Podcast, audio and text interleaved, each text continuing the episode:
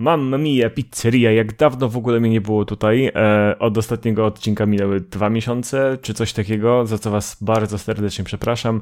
Wrzesień był u mnie nieco zwariowany, e, dosyć pracowity e, i nie miałem najzwyczajniej w świecie przestrzeni do tego, żeby przygotować dobry, jakościowy odcinek dla was.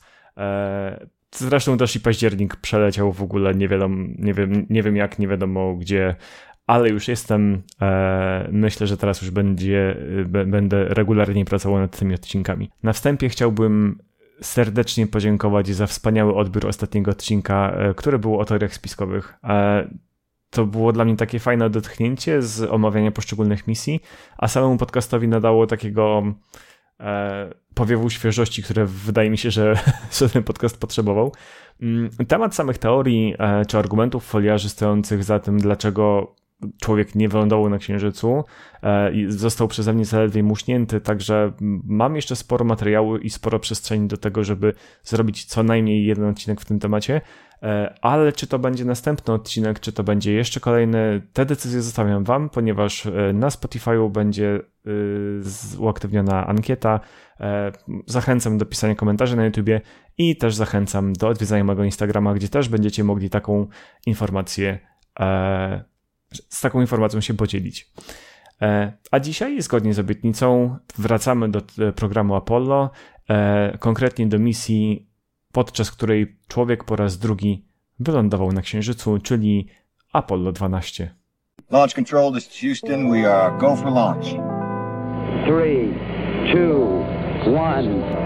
Liftoff. We have a liftoff. Capcom, we're go for landing. Tranquility Base here.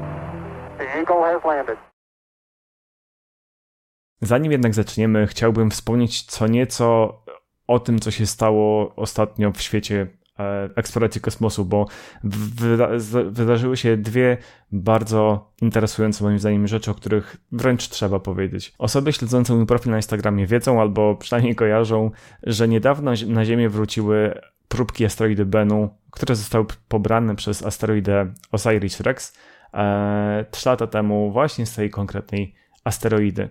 Naukowcy z NASA zbadali te próbki i ku zaskoczeniu wszystkich okazało się, że zawiera ona bardzo duże ilości węgla i, e, i wody, e, czyli materiałów, które są niezbędne do powstania mm, życia na Ziemi i utrzymania tego życia, życia na Ziemi, co niejako potwierdza teorię, że w ogóle życie na Ziemi wzięło się z asteroidu, bo zostało jakby przywiezione. 70% e, próbek zostanie, z, jakby zostanie w NASA um, i zostanie też dla następnych pokoleń, dla pokoleń naukowców, którzy będą mieli większą wiedzę, większe możliwości, lepszą technologię do zbadania tych próbek. 25% e, zostanie rozesłanych do innych instytucji naukowych wewnątrz Stanów Zjednoczonych, 4% trafi do Kanadyjskiej Agencji Kosmicznej, a zaledwie 0,4% trafi do japońskiej agencji kosmicznej. Z kolei 13 października, więc relatywnie niedawno, wystartowała misja Saiki na asteroidę o tej samej nazwie. Start był realizowany przez e, rakietę Falcon Heavy i moim zdaniem to jest najpiękniejsza współcześnie działająca e, rakieta, e, oczywiście SpaceXu. I Saiki to metaliczna asteroida składająca się z takich materiałów, których na Ziemi jest niewiele, czyli ze złota i z platyny głównie. I uważa się, że to ta asteroida to jest stare jądro planety, które w wyniku które, planety, która miała być w ogóle wielkości Marsa i e, w wyniku kolizji e, i innych wydarzeń e, w kosmosie straciła swój zewnętrzny płaszcz, została samo, zostało samo to jądro. I misja ta ma na celu zbadanie tej asteroidy, czyli jej geologii, kształtu, składu pola magnetycznego. E, wszystko to po to, żebyśmy mogli lepiej zrozumieć procesy stojące za powstawaniem planety i potencjalnie może, żeby ją jakoś w jakiś sposób wydobywać te materiały. Zobaczymy. E, sonda ma tam dolecieć 20, e, nie 20, w 2029 roku i miałaby skorzy ma skorzystać z asysty grawitacyjnej Marsa w 2026. Także trzymamy kciuki, żeby ta misja się powiodła. Na pewno będę śledził losy. Fakt, że to jest dopiero za 6 lat, ale myślę, że moje zainteresowanie kosmosem do tego czasu e, się nie zmieni. A teraz przechodzimy w końcu do tematu naszego odcinka, nareszcie, czyli Apollo 12. Misja ta e, była wyjątkowa nie tylko dlatego, że po raz drugi lądowaliśmy na Księżycu, ale dlatego, że podczas startu, jak powiedziałem w poprzednim odcinku, w rakietę dwukrotnie uderzył piorun, powodując, że zarówno astronautom, jak i wszystkim w Centrum Kontroli Lotów zrobiło się ciepło pod siedzeniem, ale od początku. Apollo 12 była zaprojektowana jako misja lustrzana do Apollo 11. W przypadku, gdyby Apollo 11 poniosło klęskę, nie udałoby się, można by było relatywnie szybko, bo w przeciągu dwóch miesięcy ponowić tę misję i spróbować powtórzyć e, ten wyczyn, tym razem kończąc sukcesem. E, no ale na szczęście jednak dobrze wiemy, że Apollo 11 poszło bezbłędnie, udało się wylądować, udało się wrócić. Także trzeba było troszkę zmienić plany związane z Apollo 12. To z kolei spowodowało, że sama misja została przedłużona o kolejne dwa miesiące, e, ale to nie był problem, bo mm, NASA nie chciała teraz mm, jakby udowodnić, że jest w stanie po raz drugi wylądować i nic z tego nie mieć, bo to już by było takie trochę marnotrawienie pieniędzy, gdzie jak kojarzycie z odcinka z teoriach spiskowych i tak była duża jakby presja społeczeństwa, że, że jednak NASA trwoni te pieniądze, które mogły być wykorzystane gdzie indziej. NASA chciała, żeby ta misja była bardziej znacząca w, cel, w sensie e, technologicznym i, i, i naukowym. E, pierwotnie planowano, żeby miejsce lądowania Apollo 12 było trochę bardziej na zachód od Apollo 11, czyli jakby ta sama trajektoria, wszystko to samo, tylko że po prostu lądujemy kawałek dalej, ale i, i nie w y, Oceanie Spokoju, e, tylko w Sinus Medi, czyli Zatoce Centralnej. Jednak koordynator do spraw planowania Jack e, Sevier, chyba tak się czyta jego nazwisko, wraz z inżynierami z Manned Spaceflight Center zwrócili uwagę na to, że e, w kraterze nieopodal tego Sinus Medi jest bezzałogowy lądownik Surveyor 3, który tam wylądował w 1967 roku. Jeśli astronautom z Apollo 12 udałoby się posadzić e, lądownik nieopodal tej sondy, dowiodłoby to o możliwościach nie tylko załogi, ale i sprzętu, że jesteśmy w stanie precyzyjnie wylądować, co było bardzo ważne i bardzo znaczące w kontekście powstawania mm, stałej bazy ludzi na Księżycu, bo jeżeli trzeba było dowieść załogę czy materiały, to takie precyzyjne lądowanie byłoby niezbędne. Część głosów w NASA była, nie była zachwycona tym, tym pomysłem, zważywszy na fakt, że Apollo 11 wylądowało kilka kilometrów obok swojego docelowego miejsca lądowania, czyli no jednak to, to nie jest mały, mała, mała odległość, e, ale w sumie e, potencjalna korzyść płynąca z powodzenia takiej misji była dużo większa niż ryzyko, które niosło to ze sobą.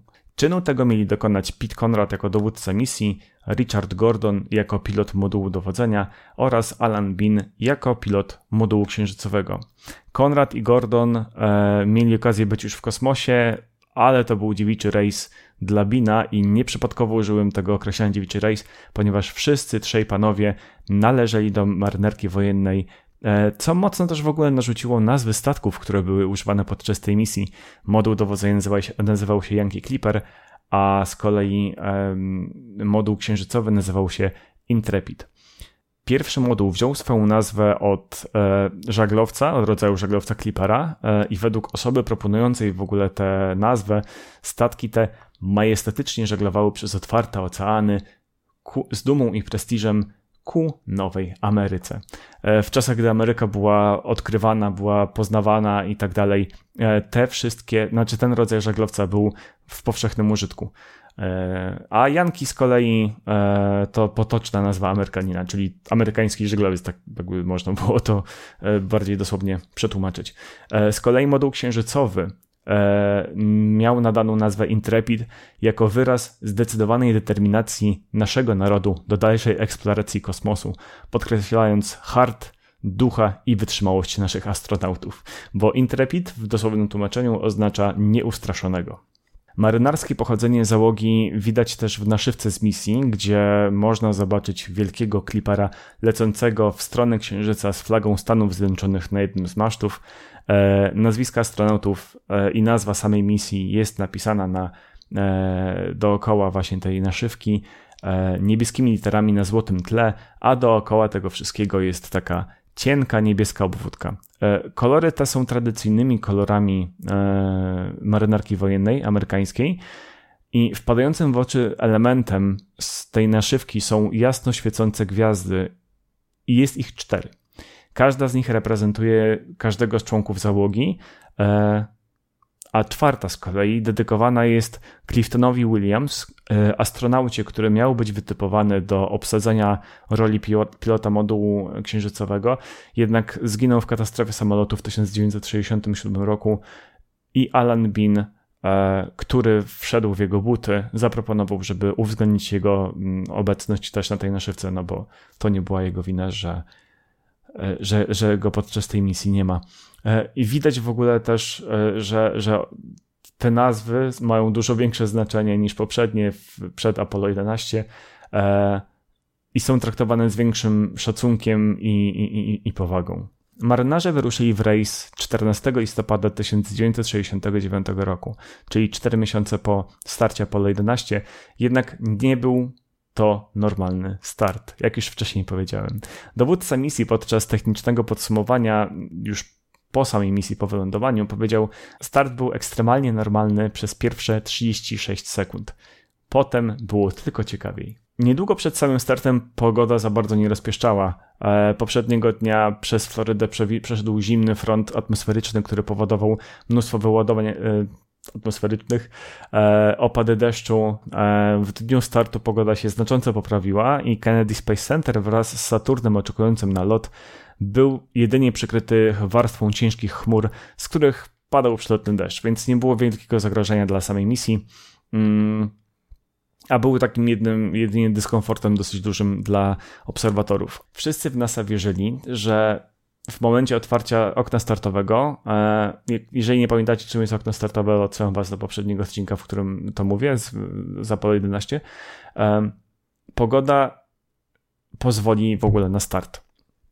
Przemawiało za tym kilka argumentów. Po pierwsze, wśród oczekujących na start był sam prezydent Richard Nixon wraz ze swoim wice Spyro Agnew, więc jest taki mocno polityczny polityczny aspekt. E, a po drugie, jeżeli by nie była możliwa, mm, nie byłby możliwy start w momencie otwarcia okna startowego, czy w ogóle przegapienia okna startowego, e, wymagany by był trzydniowy recycle, czyli proces, który tam spuszczenie paliwa z rakiety, bo nie można by było przetrzymać tego paliwa w rakiecie e, przez te trzy dni. E, sprawdzenie systemów, zatankowanie od nowa, pozwolenia na start i tak dalej, i tak dalej. Mnóstwo papierkologii i biurokracji. I wtedy stracilibyśmy możliwość wylądowania przy sądzie Surveyor 3. A jeżeli byśmy chcieli powtórzyć w ogóle lądowanie tam, w sensie próbę startu i dotarcia do, tej, do tego krateru, gdzie ta sonda jest, to byłoby możliwe dopiero w grudniu. Więc była ogromna presja nie tylko ze strony mm, założeń misji, ale też takich trochę politycznych aspektów, żeby ta misja wystartowała akurat dzisiaj, akurat wtedy. No i udało się. Rakieta wystartowała na samym początku swego okna startowego e, o 11.22. Podczas lotu napotkała na wiatr wiejący z prędkością 280 km na godzinę i nigdy wcześniej i nigdy później w historii programu Apollo nie, e, nie było takich wiatrów podczas startu. E, oczywiście nie mówimy o wietrze wiejącym na powierzchni Ziemi, bo, bo ta rakieta by wtedy nie miała żadnych szans. E, mówimy o wietrze już w górnych warstwach atmosfery, gdzie on nie ma tak dużego wpływu na rakietę. Co w ogóle ciekawe, na czas tego startu uchylono zakaz wlatywania rakiety w chmurę cumulonimbus, która jest bardzo niebezpieczną chmurą burzową i zastanawiam się właśnie na ile z tych decyzji i z tych e, wyborów ze strony NASA było podyktowanych chęcią sukcesu misji, a ile to była taka właśnie polityczna zagrywka. Niedługo po starcie, 36,5 sekundy później, pierwszy piorun uderzył w rakietę.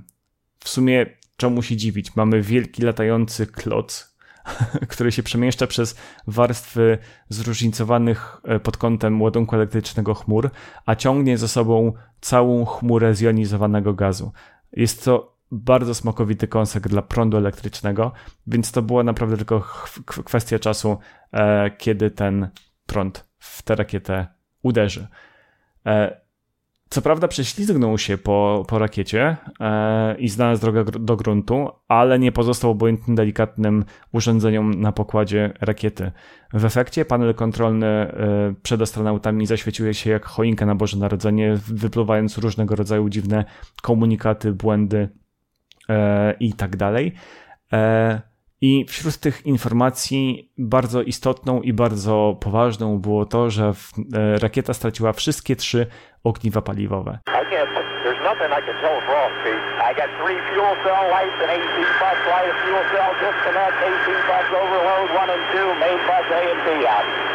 Ogniwo paliwowe to jest podzespół, który wykorzystuje paliwo do generowania prądu. Mm, I w tym momencie, kiedy straciliśmy te trzy ogniwa paliwowe, zasilanie idzie z baterii pokładowych, e, które nie są przystosowane do pobierania e, prądu o natężeniu 75 A i o voltażu 30 V. Więc spowodowało to, że instrumenty zaczęły wariować. Nim astronautom udało się w ogóle wpaść na pomysł, jak ten problem rozwiązać, nie mówiąc już w ogóle o badaniu przyczyny, dlaczego te ogniwa paliwowe padły, niecałe 20 sekund później, bo w 52 sekundzie Saturn V po raz drugi został rażony piorunem. I tym razem ofiarą tego rażenia padł system nawigacji, co jest dosyć poważną sprawą, e, oraz ośmiopłaszczyznowy wskaźnik e, położenia. Inaczej mówiąc, to jest taki trójwymiarowy sztuczny horyzont. E, instrument, który działa na zasadzie żyroskopu o trzech stopniach swobody i pomaga lotnikom, bo jest też wykorzystywany w normalnych samolotach, zorientować statek w przestrzeni, czy to powietrznej, czy, czy kosmicznej. I ja się zastanawiam w ogóle, czy, czy Zeus się wściekł na ludzi, że oni tak traktują jego syna, czy, czy dlaczego tak stwierdził, że będzie okładał Apollo Saturna znaczy się e, piorunami. Sytuacja nie jest ciekawa, bo załoga przemierza niebo z prędkością około 1700 km na godzinę i ta prędkość cały czas rośnie. Nie mając na pokładzie wystarczającego zasilania, wskażenia, wskaźnika położenia i generalnie nie za bardzo wiedzą, co się tak naprawdę dzieje e, z tym, z tym statkiem.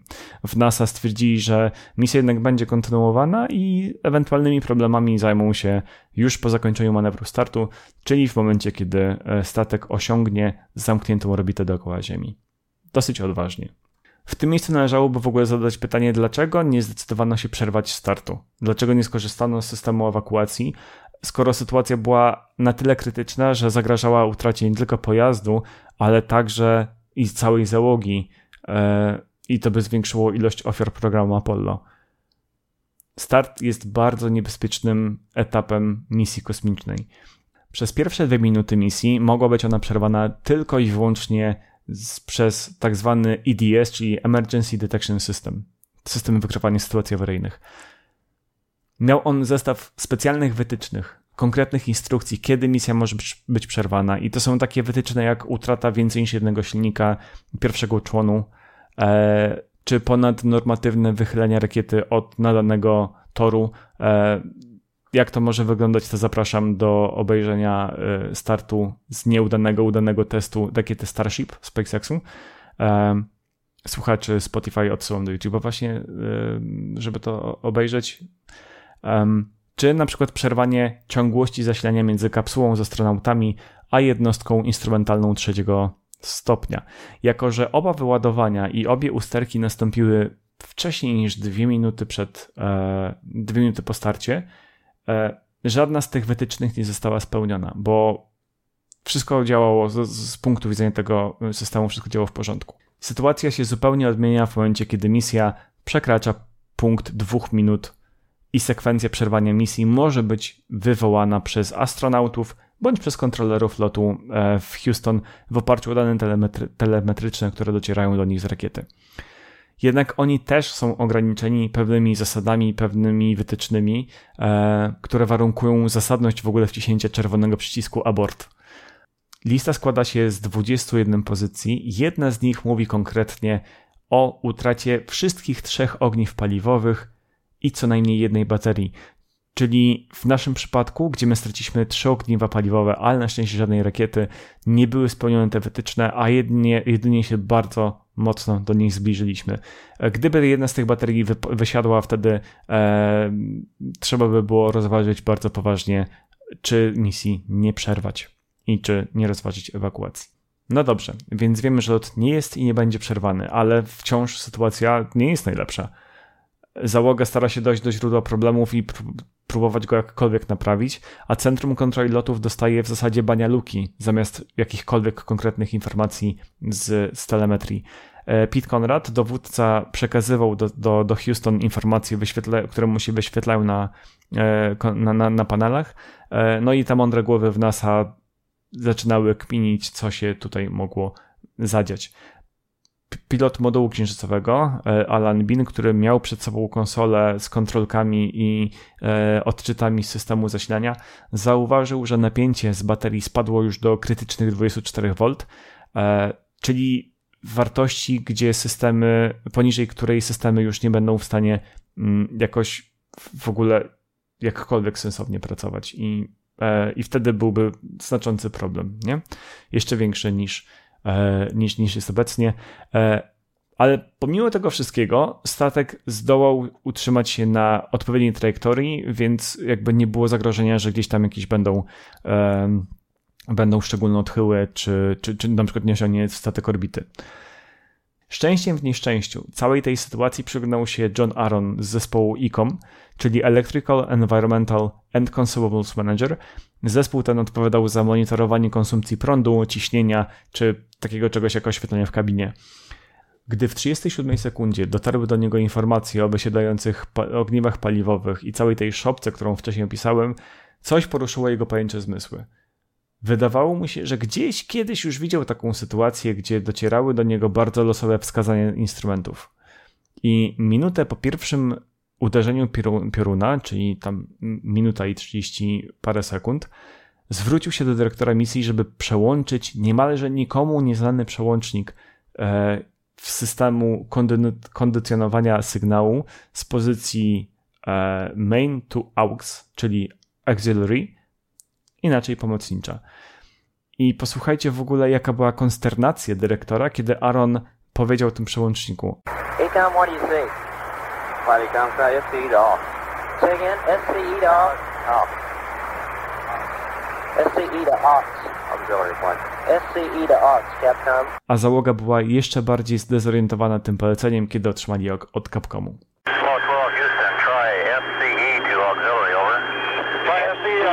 auxiliary. What the hell is that? Still something. CE. FCE to auxiliary. Try the buses. Get the buses back on the line. Okazało się, że podczas uderzenia pioruna został uszkodzony główny układ zasilający właśnie ten wspomniany wcześniej system tego kondycjonowania sygnału. Jedyne, co ten przełącznik zrobił, to uruchomił zasilanie pomocnicze, które było w zupełnie innym miejscu tego całego, e, tej całej jednostki instrumentalnej. E, i okazało się, że był sprawny, więc dzięki temu krótkiemu zabiegowi zarówno załoga, jak i kontrolerzy lotu byli w stanie otrzymywać w końcu sensowne dane z telemetrii. Tylko skąd Aaron w ogóle wiedział, że trzeba użyć tego konkretnego przełącznika, który nigdy nie był wcześniej używany i o którym bardzo mało osób w ogóle wiedziało? Okazuje się, że akurat ten człowiek natrafił na identyczny problem podczas testów fabrycznych tego właśnie systemu. Więc to jest po prostu cud, że ten konkretny człowiek był na tym konkretnym stanowisku w tym konkretnym momencie. Przywrócenie telemetrii pozwoliło ocenić stan e, rakiety i diagnoza nie wykazała żadnych poważniejszych problemów. Chwilę później załodze udało się zrestartować ogniewa paliwowe, więc i zasilanie było sprawne. W końcu, po 11 minutach i 34 sekundach, trzeci człon Saturna wraz z załogą znalazł się na stabilnej orbicie, jednak nie było zbytnio dużo czasu do oddechu, do złapania oddechu, bo nawet w normalnych misjach, nawet w Apollo 8, 10 czy 11, które leciały w stronę Księżyca, czy na Księżyc, astronauci mieli bardzo długie listy kontrolne, przez które musieli przejść, żeby mieć pewność, że wszystko jest w porządku przed wykonaniem TLI. A tutaj dodatkowo jeszcze astronauci musieli zrobić um, jeszcze więcej, e, bo musieli sprawdzić, czy na pewno wszystkie systemy po tym porażeniu prądem są na pewno w porządku. Tutaj jeszcze dodatkowo w ogóle doszła kwestia naprawienia tego systemu nawigacyjnego i e, wskaźnika położenia statku w przestrzeni. E, no i przeprowadzenie testów, czy to wszystko działa tak, tak jak powinno działać. E, no ale na szczęście dwie godziny później statek był gotowy na Translunar Injection. Z racji na wybrane miejsce lądowania niemożliwe było ustawienie trajektorii swobodnego powrotu w przeciwieństwie do Apollo 8, 10, 11. Tylko co to w zasadzie oznacza? Oznacza to, że w przypadku utraty silnika po wykonaniu TLI astronauci nie będą w stanie wrócić na Ziemię, e, bo, bo się po prostu z nią jakby miną, nie? I to jest niesamowicie odważny ruch ze strony NASA, że zdecydowali się kontynuować misję w taki sposób, zważywszy na to, że no, statek był trafiony dwukrotnie piorunem. Nie mamy pewności, czy na pewno wszystkie te systemy, czy wszystkie silniki działają tak, jak powinny, powinny działać, bo silniki są niezwykle skomplikowane i może odczyty są pokręcone i mówią niby, że dany silnik, dany system działa, a się okaże, że tak naprawdę nie działa i będzie wtedy dosyć duży, dosyć duży problem. No ale jednak stwierdzili, że jolo, raz się żyje, niech lecą. Nie? Gdyby jednak NASA stwierdziła, że chce jednak zmienić plany i zagrać bezpiecznie i użyć tej trajektorii swobodnego powrotu, e, byłby większy problem z dotarciem na to miejsce, które było wybrane, bo trajektoria swobodnego powrotu dopuszczała lądowanie tylko w okolicy równika e, i oczywiście można by było tę te, te, te orbitę zmienić po e, dotarciu na, na, na orbitę Księżyca, ale wymagałoby to zużycia dużo większej ilości paliwa, której na pokładzie Apollo najzwyczajniej w świecie nie było. Jest w ogóle śmieszna sprawa z e, trzecim członem rakiety, bo po separacji od Yankee Clippera NASA zdalnie odpaliła jego silnik, żeby skierować go na orbitę heliocentryczną, czyli tą dookoła Słońca. Jednak w wyniku niewielkiego błędu w systemie sterowania e, silniki wyłączyły się odrobinę za wcześnie i orbita zamiast być heliocentryczna stała się być bardzo wysoką, bardzo niestabilną e, i bardzo eliptyczną orbitą dookoła e, Ziemi. E, no ale opuściła orbitę Ziemi w, 1971 roku. Niecałe 30, około 30 lat później, bo w 2002 roku, amatorski astronom znalazł na orbicie obiekt, który początkowo został uznany za asteroidę. Jednak gdy przeprowadzono e, testy spektroskopowe tego obiektu, okazało się, że składa on się ze stopu aluminium, który był używany przy produkcji rakiet, Saturn. E, no i też sprawdzili orbitę, która się zgadzała z trajektorią, z taką prawdopodobną trajektorią, trajektorią właśnie tego trzeciego członu e, z naszej Apollo 12 misji. I kolejne badania spektroskopowe wykazała, wykazały obecność dwutlenku tytanu, który był używany w białej farbie, którą malowali właśnie też rakiety Saturn. Także e, ten człon będzie co jakieś 30 lat uciekał z orbity Ziemi, no, do niej wracał e, i nie wiadomo czy i kiedy e, uderzy w Ziemię, ale na pewno będzie nas odwiedzał. To jest całkiem fajne. Podróż na Księżyc przebiegła bez żadnych ekscesów i pięć dni później, 19 listopada 1969 roku, dowódca Pete Conrad wraz z pilotem modułu księżycowego Alanem Binem rozpoczęli manewr zbliżania się ku powierzchni naszego wspaniałego satelity. Konrad był szkolony, żeby przejąć stery Intrepida w momencie, kiedy zauważy zbiór kraterów nazwanych Bałwan, e, i, a w środkowym kraterze, w kraterze Surveyor, znajdowała się sonda o tej samej nazwie, właśnie ten nasz Surveyor 3, czyli ich cel lądowania. Ku jego zaskoczeniu, krater wszedł w pole widzenia dokładnie w tym momencie, w którym miał się znaleźć w polu widzenia, czyli e, to oznaczało to, że lecą idealnie zgodnie z rozkładem lotu, w przeciwieństwie do ich kolegów e, z Apollo 11, którzy lecieli troszkę za szybko i e, konkretne elementy na powierzchni Księżyca mijali dużo wcześniej niż powinni. Po krótkim zmaganiu się z lądownikiem, Konrad wyłączył silnik modułu podania, będąc zaledwie 163 metry od sondy, co jest niezwykłym osiągnięciem i dowodem na to, że jesteśmy w stanie precyzyjnie lądować przy konkretnym obiekcie, przy konkretnym punkcie. Poza tym po raz drugi posadziliśmy człowieka na Księżycu, tym razem w Morzu Burz, co po łacinie będzie miało Oceanus Procellarum. I e, śmiesznie, że Apollo, syn Zeusa, leci do Morza Burz i w po drodze dostaje dwa razy rażony piorunem. Pierwszy z Interpidu wychodzi dowódca i tak się składa, że Konrad był najniższym z ówczesnych astronautów i podczas zejścia powiedział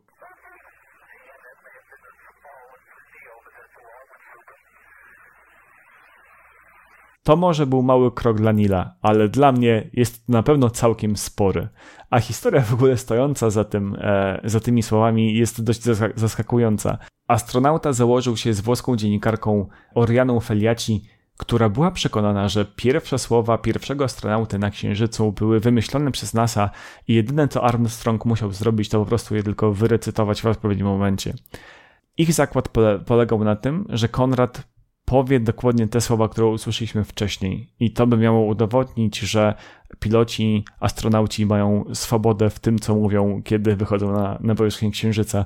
E, więc zakład wygrał, e, założyli się o 500 dolarów, ale podobno nigdy nie został spieniężony ten zakład. Szkoda. Alan Bean zszedł niedługo po, po picie e, i pierwsze co zrobili, wbili drugą flagę Stanów Zjednoczonych, co dumnie pokazywało, kto zawitał na tym ciele niebieskim. Następnie zaczęli rozkładać przywiezione ze sobą instrumenty naukowe e, i były to na przykład wykrywacz księżycowego e, pola magnetycznego, wykrywacz atmosfery nawet, e, wykrywacz księżycowej jonosfery, czy kolejny sejsmometr. Wszystkie te instrumenty przestały działać 30 września 1977 roku, kiedy to NASA była zmuszona szukać oszczędności w budżecie.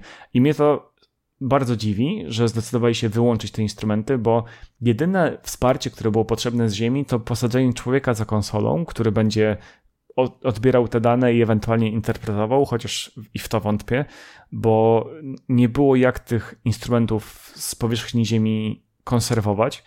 E, zasilanie miały ze swojego postawionego przez astronautów radioizotopowego generatora termoelektrycznego i e, gdyby zostawili te instrumenty włączone i gdyby one non-stop wysyłały dane na Ziemię, jestem pewny, że znalazłby się jakiś amator, który z chęcią by te dane jakby przejął, interpretował i e, no generalnie na pewno by się ludzie znaleźli, którzy by sobie z tego korzystali. E, a też podejrzewam, że może by to pomogło zamknąć usta kilku wyznawcom teorii spiskowych. Razem z instrumentami e, NASA wysłała na Księżyc pierwszą na Księżycu kolorową kamerę, żeby zwiększyć jakość przesyłanego na Ziemię obrazu. Niestety nie było dane korzystać z niej zbyt długo. E, gdy Bin podczas rozkładania tej kamery e, zrobił jedną z nielicznych rzeczy, których absolutnie nie powinien robić, czyli skierował kamerę prosto w słońce silne światło słoneczne, które nie było w żaden sposób filtrowane żadną atmosferą, nic takiego, uszkodziło czujnik tej kamery, zniekształciło bardzo mocno obraz i NASA była zmuszona niedługo po rozpoczęciu transmisji tę transmisję przerwać z uwagi na usterkę techniczną. Także świetnie im wyszło poprawienie jakości transmisji z Księżyca. Poza głównymi celami misji, takimi jak rozstawienie instrumentów naukowych, zrobienie zdjęć czy pobranie próbek księżycowych, załoga miała cele poboczne. Jednym z nich było odzyskanie elementów sondy Surveyor 3, co by miało udowodnić, że zarówno sonda, jak i astronauci byli na Księżycu, a sam e, lądownik z astronautami wylądował przy tej sondzie, że oni mogli te instrumenty z tej sondy pobrać. Zabrali z niej próbnik e, gruntu oraz kamerę. E, sonda spędziła w ogóle 2,5 roku samotnie na Księżycu i po zbadaniu przez naukowców już na Ziemi tych próbek z sondy okazało się, że są na tych elementach bakterie Streptococcus mitis i to było zaskakujące. E, teorie początkowe były takie, że do zanieczyszczenia tych, e, tych elementów doszło jeszcze na Ziemi przed wystartowaniem sondy i po wylądowaniu, po znalezieniu się w ogóle w przestrzeni kosmicznej te bakterie weszły w stan uśpienia i wybudziły się z powrotem po dotarciu znowu na Ziemię. Mm, jednak Te teorie trochę obala fakt, że podczas powrotu z Księżyca na Ziemię e, Apollo 12 nie zachowywało żadnych procedur, które by mogły zapewnić sterylność tych elementów, e, więc jest bardzo możliwe, że te bakterie w ogóle nawet nie miały kontaktu z przestrzenią kosmiczną. Astronauci spędzili łącznie 8 godzin na Księżycu, spacerując po jego powierzchni, a sama misja księżycowa trwała ponad 31 godzin. Podczas Apollo 11 e, selenonauci narzekali na to, że nie za bardzo jest miejsca do spania w Lemie, żeby było wygodnie.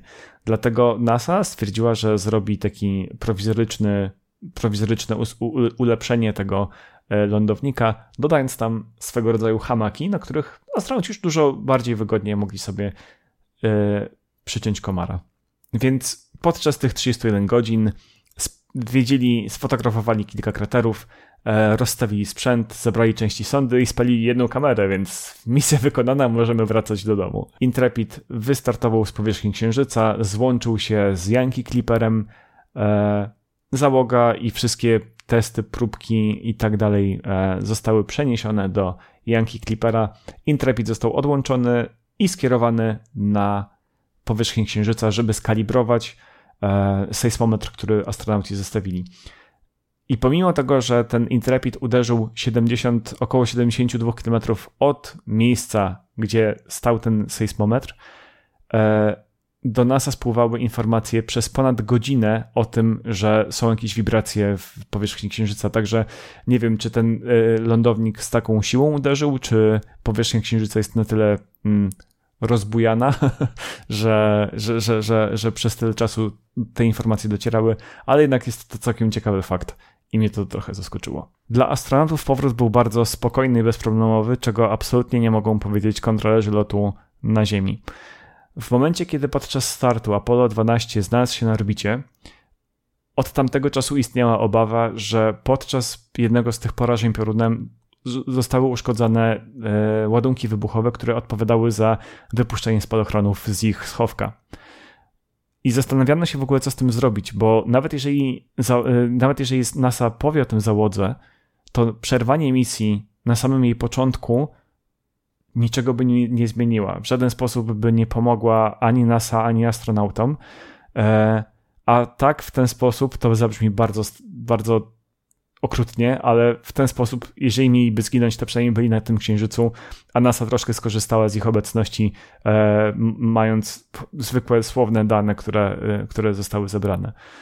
Oczywiście NASA w żaden sposób nie poinformowała załogi o tym, że jest taki problem, że jest takie zagrożenie, że mogą nie wrócić na Ziemię w całości e, i powiedzieli im dopiero po zakończonej misji. Ale na szczęście Naprawdę, na szczęście, spadochrony otworzy, otworzyły się bez żadnego problemu.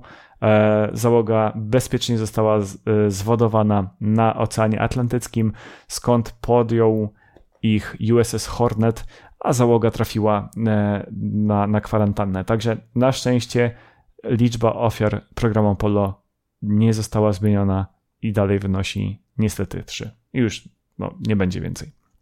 Po 10 dniach i bardzo burzliwym starcie Stany Zjednoczone mogą pochwalić się, że czwórka ich rodaków wylądowała na Księżycu i zostawiła tam swój ślad.